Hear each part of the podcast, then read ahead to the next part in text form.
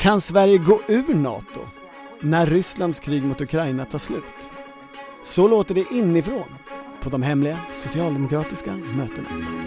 Och så har vi läst en sorglig bok om Nya Moderaterna.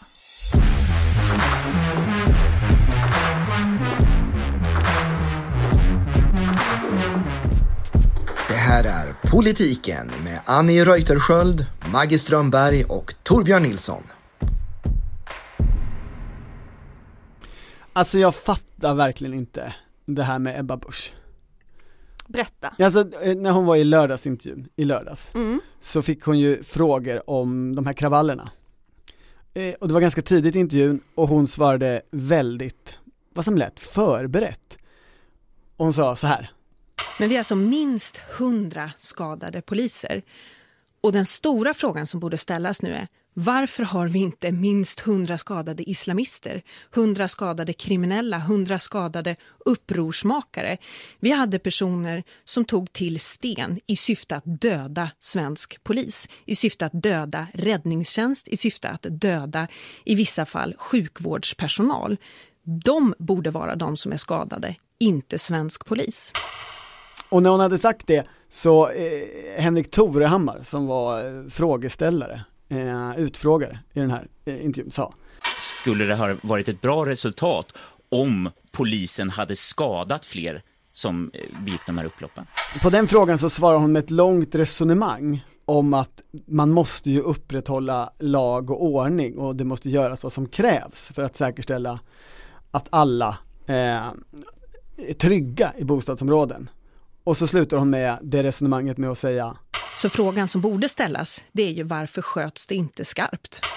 Och på något konstigt sätt så har det här utvecklats till någon märklig metasevdodebatt om att hon är feltolkad eller vantolkad när folk har refererat det här eh, som hon säger i intervjun. Ja, debatten är väl, eh, det är väl två olika, eller hon har ju själv sagt att eh, Morgan Johansson, justitieministern, har, eftersom han har använt ordet massaker, Ebba Busch vill se en massaker. Ja, ja Eh, det, sa tycker hon ju inte, det är tydligt. Vantolkat. Sen är det ju att SVT då hade ju ehm, klippt ihop det här. Det är ju olika eh, personer på högerkanten, inklusive kristdemokrater nu, ute och, och vevar om att de i ett eh, inslag om detta har då ehm, klippt ihop ehm, varför sköts det inte skarpt med det första resonemanget. Eh, det är ju en, en eh, skulle jag säga, eh, en klass, ett klassiskt sätt att flytta diskussionen till någonting annat. Det här som Eftersom- kallas klippogate nu. Ja, eftersom Ebba Busch ju, alltså det är ju fortfarande samma resonemang. Det föränd- jag kan inte se när jag tittar på textutskriften av det här att det förändrar någon slags innebörd. Det nyanserar möjligen lite mer, det tydliggör lite mer vad hon menar, men eh, jag kan inte se att innebörden direkt förändras. Men det här är ju inte första gången Ebba Busch gör det här. Jag noterar att du sa att det var förberett. Ja, det, det är så att när jag lyssnar på intervjun så kommer ju frågan ganska tidigt och hon låter otroligt stringent Mm. och eh, liksom vet vad hon ska säga, känns det som. Jag tror också att det är förberett, men frågan är om, om själva liksom, ehm, alltså exakt så som orden faller är förberedda. Jag, alltså man, det man tänker på är ju den här partiledardebatten där hon använder begreppet berått mod. Just det. Ehm, där man ju också i efterhand fick, när man pratade med personer i närheten av Ebba Busch, fick intrycket av att det där var ett, ett ordval som hon ändå tog i stunden, men ett, också ett ordval som hon använder ganska ofta, alltså ett begrepp som, som finns i hennes vokabulär. Ehm, Ja, då minns jag det framförallt som att de ju ångrade lite hur det blev, eller Ja. tyckte det var jobbigt att det blev så här. Och det tror jag att, eh, sett till hur Ebba Busch sen har behövt hantera detta, dagarna efter att det publicerades, det kom ju ut i fredags, så tror jag att eh, även den här gången tycker man att det är ganska jobbigt. Och att man, eh, hade man kunnat gå tillbaka, hade man kanske uttryckt sig något mer nyanserat. För det man är ute efter här är ju förstås att eh, låta tuff och hård, Mm. och kanske tuffast och hårdast. Ja, Eh, Men man vill ju ha en debatt om polisens metoder och Morgan Johanssons eh, liksom lämplighet som justitieminister. Man vill ju inte ha en debatt om att Ebba Busch vill skjuta barn. nej eller att Ebba Busch säger saker som hon inte eventuellt står för eller ångrar sen. men där är i alla fall min bild att alltså resonemanget var förberett, konflikten var förberedd, man hade inte tänkt sig att det skulle landa riktigt på det sätt som det gjorde. Alltså hade det varit ett, eh, ett, eh, liksom, eh, en debattartikel så hade man nog formulerat sig lite annorlunda med lite mer brasklappar. Och det är ju spännande i sig, Ebba Busch en partiledare som valdes till stor del på hennes skicklighet eh, medialt och hennes förmåga att kommunicera, att leverera. Och så är det just leveransen som ändå inte riktigt funkar. Men en sak som slog mig, om, kan, om vi kan lämna eh, Ebba Buschs ordval och SVTs klipperier eh, lite grann. Absolut. Mm. Så, eh, så att jag tittade på den politiska debatten efter andra stora kravaller. Vad, har, vad sa man egentligen? Mm. Eh, och det har nästan alltid, eller i princip alltid, varit en diskussion om polisens övervåld. Och den har varit ganska stor. Mm. I det här fallet har vi nu en debatt om polisens undervåld. Och det är Och- världsunikt. Jag Eller i alla fall det världsunikt. Sverige-unikt. Nej men menar du? det är unikt, alltså om man tittar på Husby till exempel, då, det var ju en annan situation. Det inleddes med att en, en man i bostadsområdet hade skjutits ihjäl av polisen i en insats som gick fel. Ja, Så det, det går inte att jämföra rakt av, men man kan bara ta i höstas till exempel när det var den här, det här fotbollsderbyt i Stockholm som var väldigt omskrivet när polisen använde pepparspray i tunnelbanan. Då var det också en stor diskussion om polisens metoder. Och så har det egentligen varit om man, alltså ända sedan Göteborgskravallerna 2001 mm. så har man ju eh, debatterat polisens taktik. Är det konfrontation eller är det kommunikation som är rätt väg att gå? Och efter Göteborgskravallerna så ändrade polisen ju också taktik till det här mer eh, dialoginriktade. Eh, jag hittade någon artikel där de till och med sa så här, vi ska inte ha sköldar och batong för det kan provocera. Alltså det är ju väldigt långt ifrån varför skjuter de inte skarpt.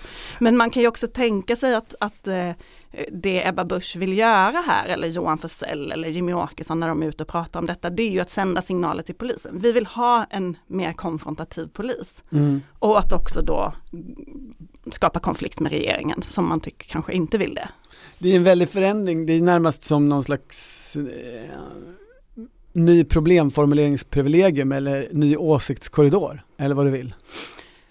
Eh, ja, Alltså det är ju väldigt svårt i, tänker jag, som debattör, det är kanske därför man inte hör några sådana röster, eller få sådana röster att eh, liksom diskutera övervåld i den här situationen utan att låta som att man som debattör eh, ursäktar våldsverkarna. Ja, men jag menar inte heller att man borde diskutera det. Jag menar bara att det, det är unikt. Alltså jag, givet de situationer vi såg, de skeenden som var, så kanske det inte riktigt är läge att prata övervåld från polisens sida. Men man kan ju samtidigt, så skadade ju polisen, alltså de sköt ju skarpt och de skadade ju tre personer. Eh, vanligtvis leder ju det till mycket debatt varje gång. Mm. Eh, det var också första gången polisen använde tårgas vid insatsen i Malmö för att skingra folksamlingen. Det brukar man inte heller göra. Det är också ett verktyg som tidigare har liksom debatterats och Mm. ansetts kontroversiellt. Men nu är det ju snarare så att alla politiker säger varför har de inte, Varför öste ni inte på med mer tårgas? varför har ni inte vattenkanoner? Jag Ja. frågade en polis det, det var så himla roligt. Jag bara, hur är det med det här med vattenkanoner? Kan du förklara för mig? Och polisen bara, ja vi har en vattenkanon på polismuseet. Det är väl det jag kan säga om det.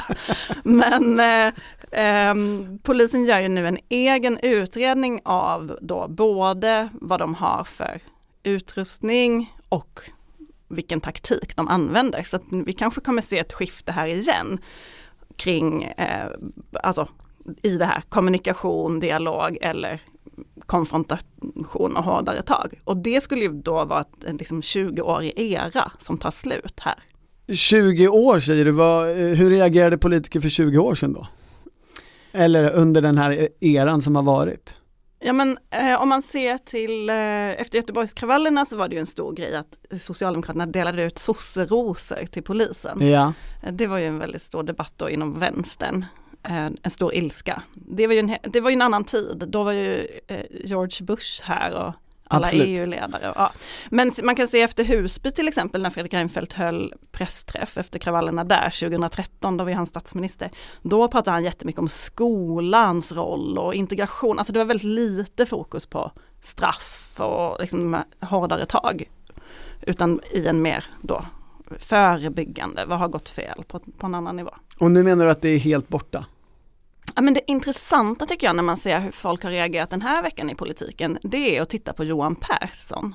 Nu pratar vi om honom igen. Gud vad han får mycket utrymme i den här podden. Ja, Liberalernas nya partiledare. ja. Han har ju nämligen eh, gjort, tänker jag, det som Nyamko sa att hon skulle göra men aldrig gjorde för att hon kanske inte ville eller kunde det.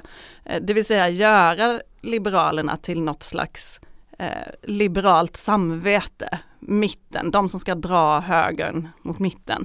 Han som ju från början var känd som en hårdare tag och batongpolitiker verkligen inom sitt parti, är ju nu den som betonar förebyggande arbete, pratar om eh, liksom, de mjukare delarna. Mm. Han är också den enda av högerledarna, om man får kalla dem det, som har eh, i, liksom inte har stöttat Ebba Busch efter hennes uttalande. Som har sagt jag skulle inte uttrycka mig på det sättet. Och de andra har ju mycket tydligare backat upp henne och sagt jag förstår vad hon menar och jag håller med. Jag tycker när jag lyssnar på henne efterhand att hon säger att hon menar någonting annat. Eh, Men det spelar ingen roll vad man menar. Jag skulle aldrig uttrycka mig så.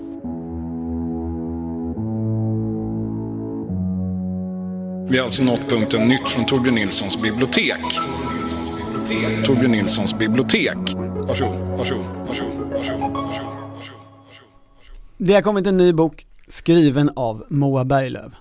Den legendariska talskrivaren hos Fredrik Reinfeldt. Eller Sverige, är- Sveriges, Sveriges just nu mest kända talskrivare. Eh, Just nu får man säga. Jag vet inte, legendarisk blev ju Moa Berglöf först efter att Nymoderaterna hade kraschat och hon blev liksom en, en Twitter-karaktär. Ja, och hon blev en eh, symbol för kvinnorna som lämnar Moderaterna. Som ju var, de var ju väldigt medierelevanta ett tag där, eller folk var väldigt nyfikna på dem. Kring kort, förra valrörelsen. en kort period när Anna Kinberg Batra svängde och opinionen rasade. Sen, fast, sen var de ju borta och nu är de inte lika spännande längre kanske. Jag, jag tycker om den här boken, vill jag säga först, för att den är, det är en, väldigt, det är en fin inifrån skildring av politik, tycker jag. Hur liksom, eh, Det finns ju, fan, förlåt att jag avbryter, men det finns ju, jag har ju också läst den. Det finns fantastiska scener från FN-toppmötet om klimat, där, där Moa Berglöf försöker ta sig in på olika viktiga möten och någon chef, som jag inte ens minns vem det var, försöker hålla henne ute och liksom kampen mellan dem. och till slut löser hon säkerhetsvakten som är det sista problemet med por- portföljtricket. Nämligen genom att hävda att hennes egen portfölj är Fredrik Reinfeldts. Och så kommer Och hon in bara, han och jag, han måste ha den, jag måste in i rummet, han måste ju ha sin portfölj, annars kan ju inte genomföra mötet, det går inte. Det är Ja. roligt eh, och det säger nog mycket om hur politik är och fungerar och varför de är så paranoida. Och sen är boken också fylld av ganska mycket socialt spel kring, kring medarbetare eh, och, och vem som får vilket jobb och vem som skvallrar med vem och sådana saker. Mm. Det är en väldigt välskriven bok, ovanligt välskriven, men hon är ju dock talskrivare. Så, men alltså för po- politikmemoarer är ju inte alltid det. Hon skildrar ju också, det är ju en, en jag-bok det här. Hon skildrar ju sin väg in i politiken. Den sker någon gång på 90-talet, hon kommer ifrån Hälsingland Hudiksvall? eh, där hon går med i MUF i någon slags allmän protest. Hon, hon tillhör ju den här 90-taliga eh, upprors-MUF-gänget, alltså som, som någonstans gillar att MUF är lite anarkistiskt. Eller bara sträcker ut långfingret. Mm. Ja men verkligen, alltså en, eh, det är ju en smal linje där mellan anarkin och eh, nyliberalismen. Hon skriver aldrig det, men jag tror att hon verkligen gillar MUFs gamla slogan ständigt i opposition. Den är svår för henne att skriva, för sen hamnar ju hon i regeringskansliet i en evighet. Men hennes gäng där är ju, det är lite intressant tycker jag. Hennes gäng i MUF är ju eh, nyliberalerna, eller de som är väldigt liberala. Alltså Gunnar Strömmer, Tove Livendal. Thomas Idegård väl, eller när han var, när hon gick med, så var han ordförande. Hon såg upp till honom. Ja, hon, hon beskriver Kristoffer Fjellner Just som det. sin vän. Mm. Eh, alltså flera i hela den kretsen av superliberaler. så att säga. Det är ju de som Fredrik Reinfeldt och Anders Borg om inte gör uppror mot, så ignorerar. De, de tillåter ju inte den delen av partiet att få plats när Nymoderaterna skapas. Och här kan man väl säga att man närmar sig din invändning mot Moa Berglöfs historieskrivning. Eh, det, det lät så stort. Eller? yeah. Jag vill bara säga ja. också eh, att jag har ju träffat Berglöf väldigt mycket och pratat om den här boken för jag skrev ett porträtt. Just det. Men du har också läst den och ska recensera den. Ja det ska jag. Så därför I har vi... Sydsvenskan där hon arbetar, jag ska gästrecensera den där. Så vi kommer in i det här från lite olika håll. Liksom. Du menar nu att du har mer förståelse för hennes perspektiv och jag, och jag inte har förståelse? Eh, nej, ja, kanske, eller jag har i alla fall ställt mina kritiska frågor till henne och så har hon fått svara på dem medan du bara Bara kör. Ja. Mm. men, nej men för eh, jag vill ändå eh, tydliggöra att det som Moa Berglöf är ju väldigt kritisk till dagens Moderaterna. Det har väl liksom inte undgått någon.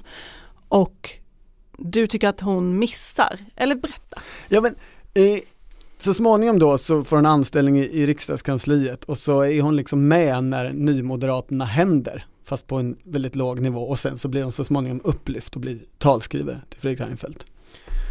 Och jag tycker det är fascinerande i boken, man letar någonstans efter så här, vad var det hon gillade med nymoderaterna? Och man hittar väldigt få svar på det. Mm. Man hittar att hon gillade att de inte förde sig och såg ut som liksom Östermalms tanter och gubbar. Eh, någonstans, inte så jätteutskrivet, så gillade hon att Fredrik Reinfeldt och Anders Borg hade någon form av modernare syn på jämställdhet. Mm. Det uppfattar jag mellan raderna. Och Men, välfärdspolitiken, alltså eh, att man, hela den här vi, att man inte lika tydligt ställde skatt mot välfärd. Ja, men det uppfattar jag mest som att hon gillar taktiken i det. Alltså, för det är ju det här tillfället i valrörelsen eh, 2006 när Fredrik Reinfeldt säger vilka bud sossarna än säger ja. om välfärden så ska vi, så ska vi eh, lägga oss på samma nivå. Jag uppfattade nog att hon gillade det i sak men jag tror att du närmar dig någonting centralt här med Moa Berglöf. Att hon, hon sa till mig så här, jag är ingen eh, policymakare. Och det är hon ju verkligen inte, men hon är inte superintresserad av vanlig policy heller fick jag bilden av när vi pratade, utan snarare hon är intresserad av kommunikation, eh, kulturkrigsfrågorna, alltså mänskliga rättigheter, men inte så mycket mer. Nej, och det enda jag hittar i ett tidigt stadium så att säga, när hon, när hon befinner sig där 2005-06 eh, i sin skildring, eh, det enda jag hittar av vad tyckte hon om med Nymoderaterna är att hon gillar eh, Fredrik Reinfeldts sommartal eh, 2004. Och det är ett sommartal som handlar mycket om den perfekta människan. Eh, att det finns inga perfekta människor, människan har fel och brister och vi måste lära oss att leva med, som han säger, både vår kapacitet och vår bräcklighet. Och det där brukar ju inte vara ett resonemang som leder till super eller nyliberalism. Det är ett resonemang som snarare brukar leda till konservatism eller kristdemokrati. Alltså det, det där är en levande idé i, i Kristdemokraterna om att människan inte är perfekt och, och sådär. Så det är snarare den konservativa sidan av Fredrik Reinfeldt som hon betonar där. Men det är inte det som är din invändning? Jo men det är min första invändning, man kan ju ha fler än en.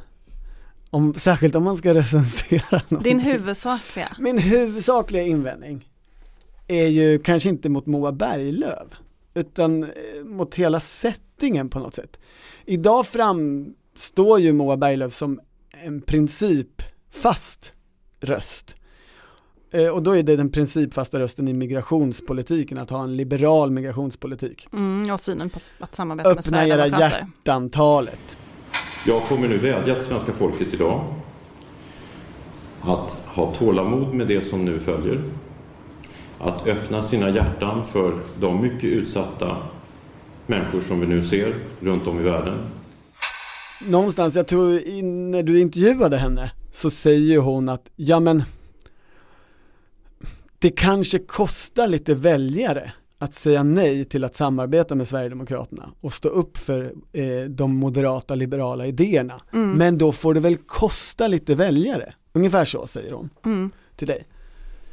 Och det där fascineras jag över för att då har det blivit som att den nymoderata idén var att vara principfast och inte bry sig om vad väljarkåren tyckte och tänkte. Medan den ny, nymoderata idén så som jag uppfattar den eh, då och även idag, då var jag ju eh, ny politikreporter när det här hände. Det var ju tvärtom att anpassa sig till väljarkåren. Att som de sa då, sänka trösklarna för att väljare ska kunna komma in, alltså ta bort åsikter som skaver och stör potentiella väljare. Ja, alltså det vill säga lämna eh, tidigare moderata principer. Lämna Carl Bildt, moderat classic ja, som man kallar det. Och, och det var ju då inte en fråga om principer, det var ju en fråga om att Anders Borg på kammaren hade kalkylerat ut hur, de, hur man bäst genomförde skattesänkningar och jobbskatteavdraget och allt det där. Vad kallade man dem vid den tiden? Kallar man dem för gammelmoderater eller? För det var ju då Carl Bildt själv sa såhär, nej jag är moderat klassiker. Ja, alltså, de kallades ju gammelmoderater av journalister, ja. men det gillade ju inte Carl Bildt. Nej, det var så det var. Så det, han ville ju inte vara gammal.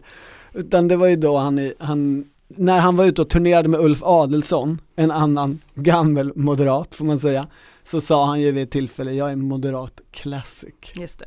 Hej, Carl Bildt heter jag. Jag var moderat partiordförande för väldigt länge sedan. Jag tillhör väl moderat classic eller vad man nu ska säga. Vissa principer är viktigare än andra, eller? Nej men det, det är en fråga om att man kan ju försvara dagens moderater med att säga, de är ju pragmatiska precis på det sättet som Anders Borg och Fredrik Reinfeldt var, bara på andra områden. Och att grundprincipen om att man måste lyssna på väljarkåren för att kunna bli vald är den, är den vägledande, att det, att det faktiskt är en fråga om kontinuitet här och inte ett stort brott.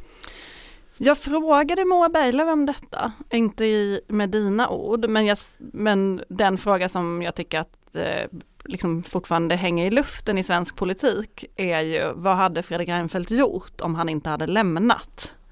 Ja. Alltså han hade ju genomfört decemberöverenskommelsen förstås, för det var ju hans eh, liksom baby, hans mm. idé. Mm. Men eh, sen då? Vad hade, han, vad hade han gjort? Hade han inte tvingats till samma omsvängning som partiet gjorde? För verkligheten var ju en stor flyktingkris, ett växande Sverigedemokraterna och en väljarkår som ville se förändring på det här området. Men det var ju då Moa Berglöf svarade att ja men då får man väl tappa lite väljare då. Mm. Eh, men hon sa också att eh, hon, hon, citerade Mona Sahlin då, Mona Sahlins senaste bok där hon pratar om att dagens politiker är besatta av att följa opinion istället för att bilda opinion. Mm. Hon sa det kan, eh, det ligger jättemycket väljare på soffan och andra kan ändra sig.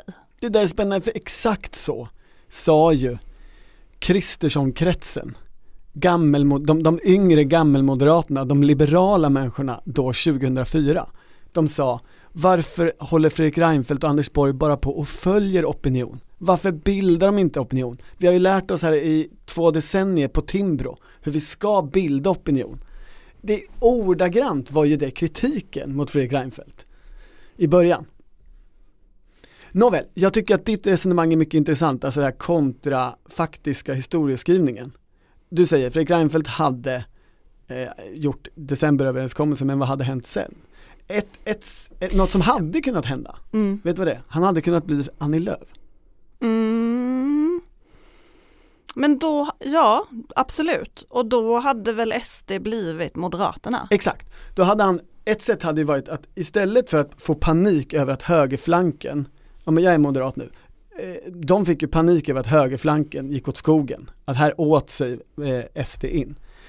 Istället acceptera det, lugnt och stilla och säga vi har en potential att konkurrera ut de här skitpartierna i mitten.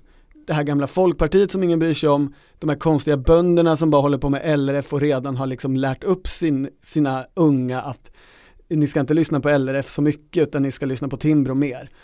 Då hade de bara ätit sig in där och gjort sig till det stora mittenborgerliga partiet. Jag säger inte att det här hade funkat, men om vi ska hålla på med kontrafaktisk historieskrivning ja. så är ju det faktiskt en väg som ingen har liksom diskuterat? Nej men alltså det är ju Moa Berglöfs väg. Det är ju det Moa Berglöf vill. Eh, och det intressanta är ju att hon är den enda som vill det. Möjligen Ulrika Schenström också tidigare statssekreterare nu på tankesmedjan Fores som har viss centerkoppling. Ja och sen del i det tysta. Ja absolut såklart men de, jag menar Anders Borg till exempel eller Mikael Sandström som var statssekreterare, alltså den typen av människor har ju snarare backat, tydligt backat upp den omsvängning partiet Absolut. har gjort och mm. var liksom skulle väl troligen kanske också valt den vägen. Anders Borg brukar i och för sig prata om att han tycker att S och M ska göra upp om de stora frågorna, att alla andra kan vi skita i. Typ. Men... Och men centralt i det här, om det här projektet, om vi ska fortsätta teoretisera om det, hade ju varit att man ändå svängde om migrationspolitiken. För det har ju också Centerpartiet gjort. Alltså du kan inte vara ett mittenborgerligt parti utan idag, utan att ha ändrat dig under 2015 eller efter för att, för att liksom döda den frågan, utan det är mer att så här, acceptera Sverigedemokraterna på 18% eller 22 och låta det vara dött och istället äta upp andra partier och så småningom sossarna. Det, det är ju den offensiva vägen ur det här. Det, jag har pratat med en del moderater både innan och efter jag skrev eh, mitt stora porträtt av Moa Berglöf i helgen och eh, hon säger ju själv till mig så här, hon har inte haft kontakt med Fredrik Reinfeldt på, på flera år och då frågar jag henne om hon är besviken över det och så svarar hon ja. Um, att hon liksom önskar att han skulle kunna ringa henne och bara säga så här, Moa vad bra att du gör det här eller Moa nu är det dags att släppa detta. För liksom försvara hans arv då som, som hon tycker att hon, att hon gör. Um, och jag, då är det flera moderater som har hört av sig till mig och bara, men varför släpper hon inte det? Eh, och det finns ju en, en jättestor sorg hos Moa. Det här ja. är ju, den här boken är ju till stor del sorgbearbetning, mm. även om den också är arg.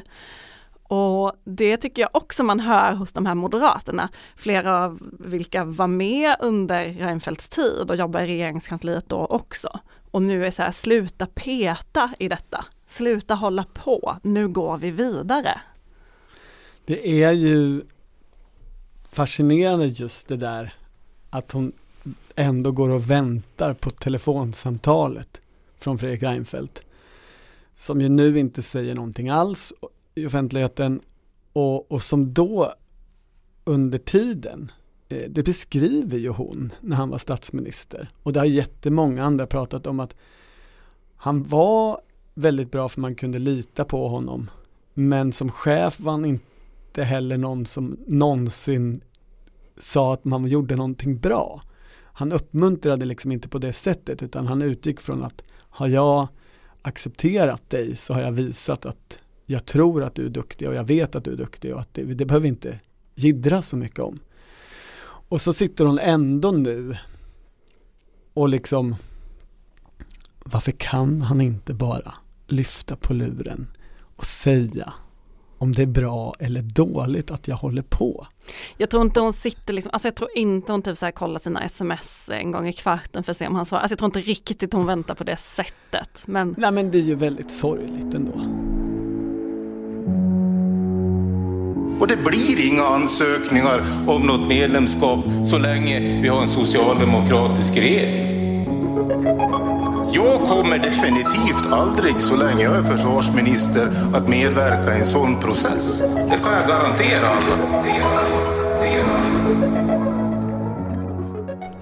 Det börjar närma sig nu. Valet menar du? Nej, NATO-medlemskapet. Just det, det ska göras först. Mm. Mm, det är bara, vi väntar ju bara på Socialdemokraterna. De är ju i sin beslutsprocess nu. Fast det, det är ju ingen beslutsprocess det, det, beslutet är ju redan fattat. Ja, jag har hört Ann Linde säga på tv att du har fel i detta, att det finns inget beslut, beslutet är inte fattat. Hon har varit på flera regeringssammanträden utan att beslutet har fattats. Hon har inte märkt att beslutet är fattat. Alltså, som alltid när det blir sådana här situationer, det stora mysteriet Socialdemokraterna och folk ska försöka förstå hur det här partiet fungerar, så tycker jag att det, det blir så konstigt att det inte går att genomskåda några saker. Det här är ju den här Baudin-processen som partisekreterare Tobias Baudin har lanserat med mm. Tre digitala möten i nästa vecka, mm. eller näst, nästa. Ja. Alltså det centrala i den processen är ju distriktsstyrelserna. Och det tycker jag eh, har lagts alldeles för lite fokus och energi på. Alltså det är distriktsstyrelserna som är subjektet i den här processen. Det, det, finns ett antal ambassadörer som partiledningen har utsett, de ska åka runt till distriktsstyrelserna och hålla i möten. Det är ju Peter Hultqvist och Margot Wallström och Kenneth G Forslund och eh, Niklas Karlsson. Ja, och då skulle jag ändå vilja skjuta in presentation här.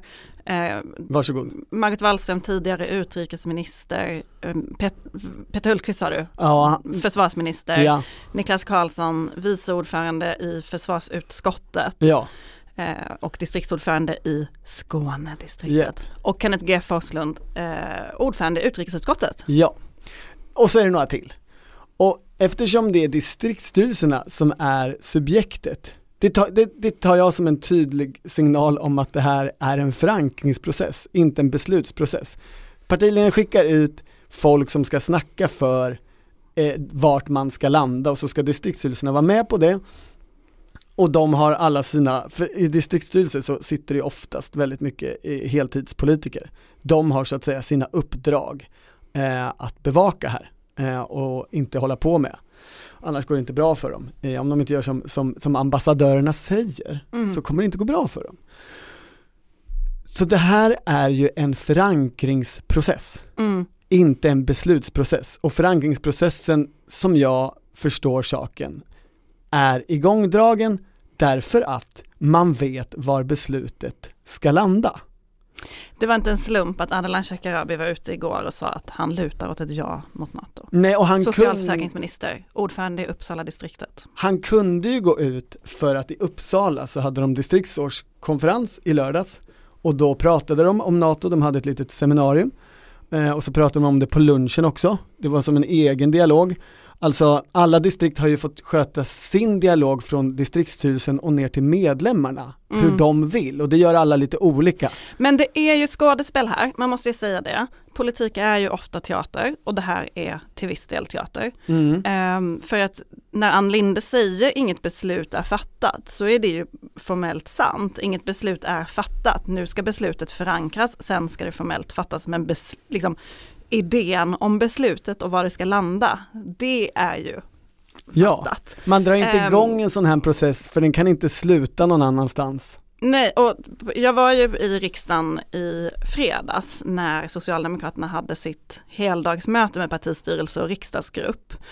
Eh, och då vår kloka före detta kollega Viktor Bart Kron på Expressen ställde frågan till Baudin då när han hade pressträff efteråt, eh, när de nu ska ut och prata de här, vad är det för budskap de har med sig? Alltså ambassadörerna? Ja. Eller vad de kallas, dialogmakarna? Ja, de personer tror jag bara de kallar dem, jag vet inte.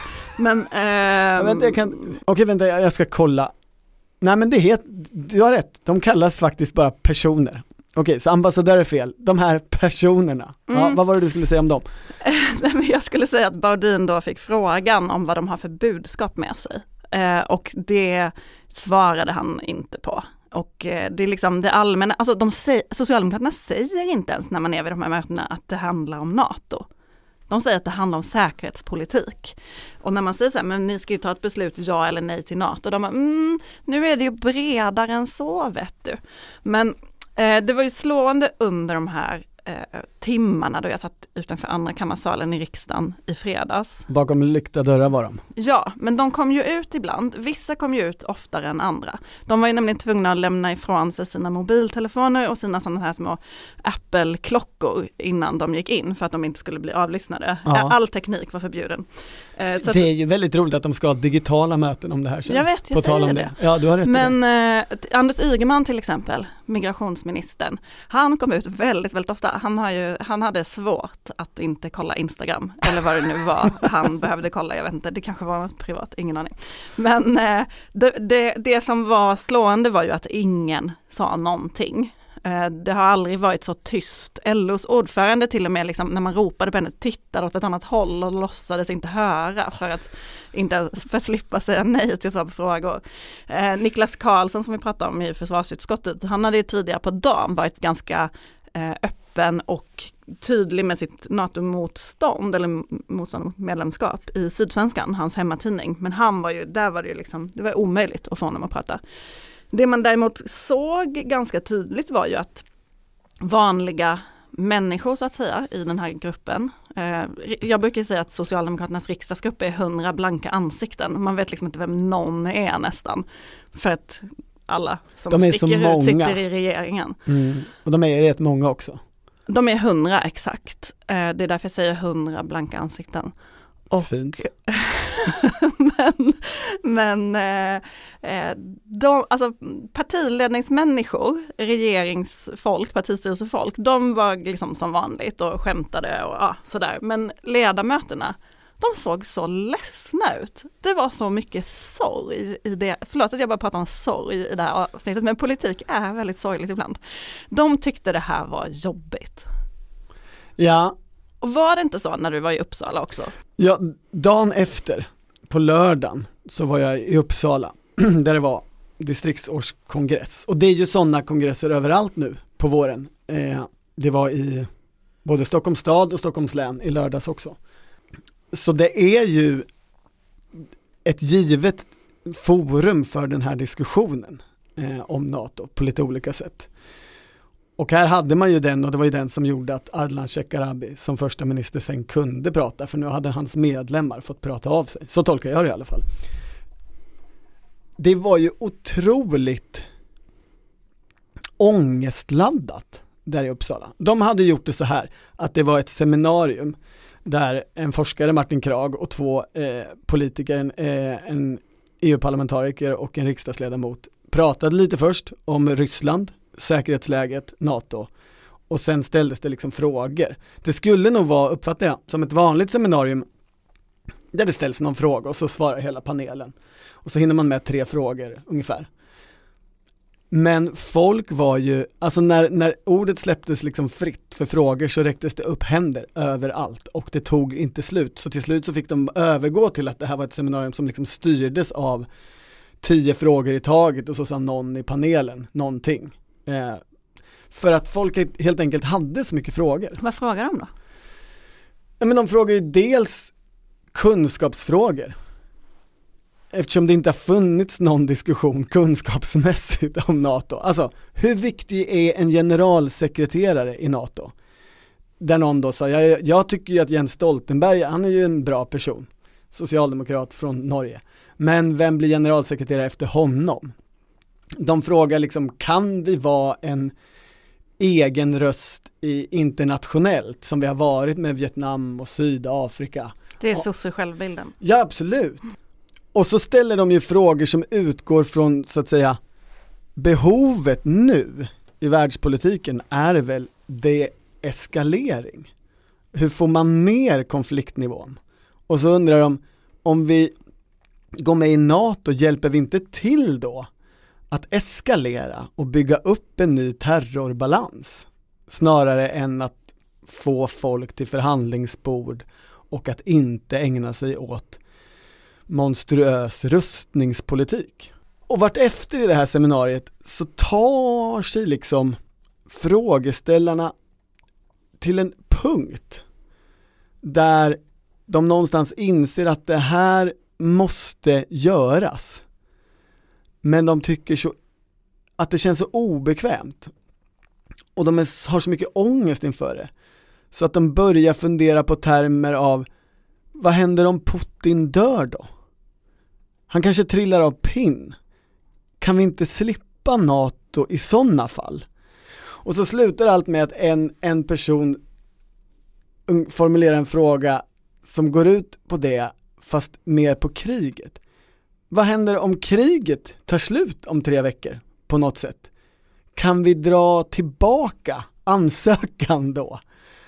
Eller kan vi gå ur NATO sen när kriget är över? Alltså mm. de börjar komma till Finns det ångervecka?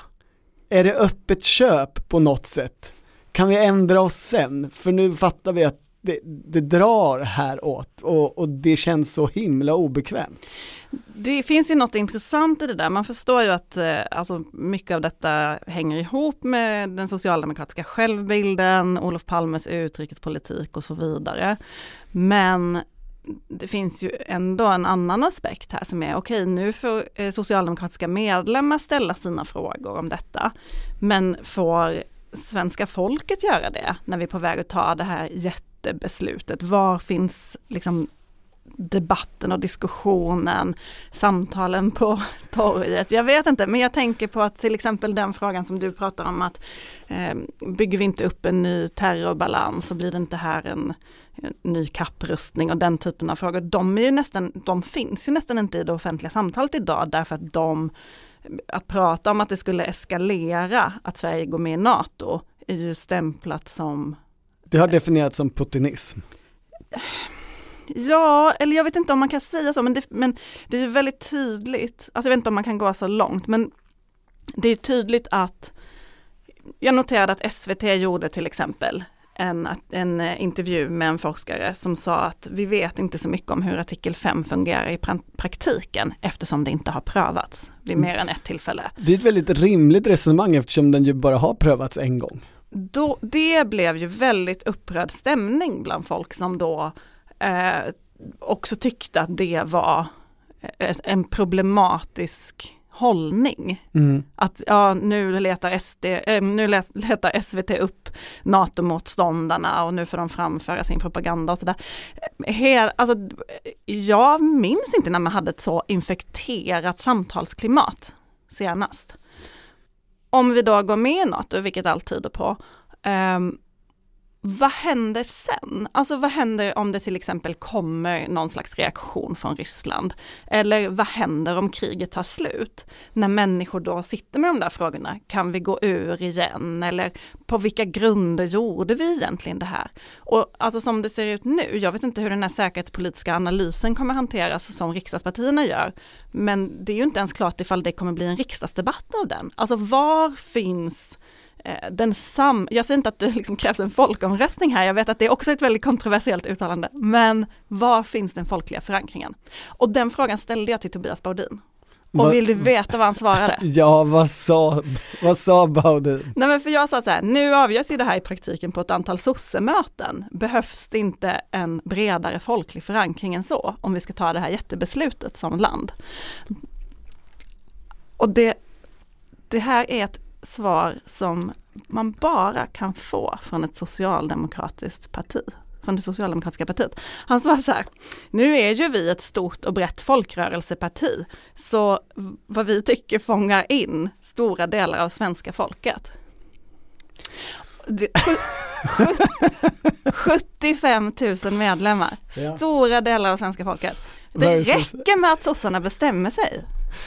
Det motargument som inom socialdemokratin liksom ändå drivs fram nu är ju processfrågan. Alltså, det går för fort, det förankras inte tillräckligt väl. Alla de här andra argumenten, de klassiska Pierre Schori-argumenten, eh, de är ju så att säga avfärdade till stor del. Eh, de här tre andra vägarna, alltså kan vi inte fördjupa det trilaterala avtalet, Peter Hultqvist-vägen? Kan vi inte lösa det här på EU-nivå, SSU-vägen? Eh, kan vi inte bara rusta upp eh, med liksom 5, 5 BNP i eget försvar? De är också avfärdade. Återstår då i, i interndebatten processen. Och där är det ju tydligt att partiledningen tänker att den diskussionen klarar man i partiet. Att det här går fort och så vidare, för man kommer till slut säga att det är ju inte vi som har valt att det ska gå så här fort. Och det är tror Ryssland eller ja, det är Finland? och så, har, och så har alla fått prata av sig Vänta, menar du att det är Ryssland eller att det är Finland? Både och, ja. tror jag de kommer säga. Eh, och så har alla medlemmar ändå fått möjlighet att prata av sig. Men då tittar de ju bara på partiet. Utanför det socialdemokratiska partiet finns det ju människor också och jag tror att det finns Berätta det för Tobias Wardin. Och jag tror att det finns också sådana som röstar på andra partier som kanske är för NATO, men som tycker att det här känns obekvämt eller läskigt eller ångestladdat på ungefär det sättet som man hör in i Socialdemokraterna. Och hur det ska hanteras för landet efteråt, det är ju den, det är den obesvarade frågan. Jo men och det som tillkommer där är ju att när man försöker prata med Ulf Kristersson eh, om den här frågan och prata om då motargument eller vad, vad, som talar emot, då vill ju inte han heller prata om dem. Så att man, man får inte heller en debatt eller jag, jag bara noterat också att både Dagens Nyheters och Aftonbladets politiska kommentatorer själva har skrivit artiklar det här talar för och emot NATO. För att den debatten finns inte bland politikerna just nu. Man får lite känslan tycker jag av att eh, ett NATO-medlemskap har ju varit väldigt långt bort tidigare. Även om det har funnits en majoritet för NATO-optionen så har ju själva medlemskapet legat långt bort. Och nu finns det då en lucka. Och det gör att de som verkligen tycker det är viktigt att Sverige går med i NATO och har tyckt det under lång tid. De trampar gasen i botten och hoppas på det bästa och att ingen jävel ska ja, komma och störa det här. De tycker inte att det behövs en diskussion om detta nu, utan nu ska vi gå med i NATO. Ja, vi får se hur det går med det efteråt, men i det, det kortare perspektivet så det ju, ser det ju ganska klappat och klart ut om man tittar bara på kalendern, eller hur Maggie? Ja, eh, Dagens Industri rapporterar idag att finska Socialdemokraterna ska fatta sitt beslut den 14 maj. Veckan efter, 17-18, så kommer ju president Niinistö till Sverige på statsbesök. Mm. Och nu finns det ju väldigt många uppgifter både i svenska och finska tidningar om att det är, det är där det kommer komma något slags besked. Mm. Så det är snart. Och precis innan det så har de här tre sossemötena varit mm. och då Socialdemokraterna har ju sitt avgörande partistyrelsemöte den 24 maj, men det kommer ju bli av innan dess av allt att döma. Det, mm. det låter omöjligt. 13 maj ska ju den säkerhetspolitiska redogörelsen vara klar, eller vad den heter i Sverige, analysen. Just det, och sen kommer finska presidenten och signar och försluter dealen så att säga. Um, vi får väl se, men uh, det är mycket pekar på det.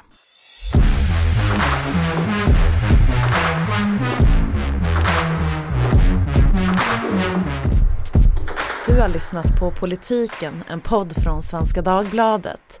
Producent var jag, Martina Pierrot. Ansvarig utgivare var Anna Kareborg. Tack för att du lyssnade och ta hand om varandra.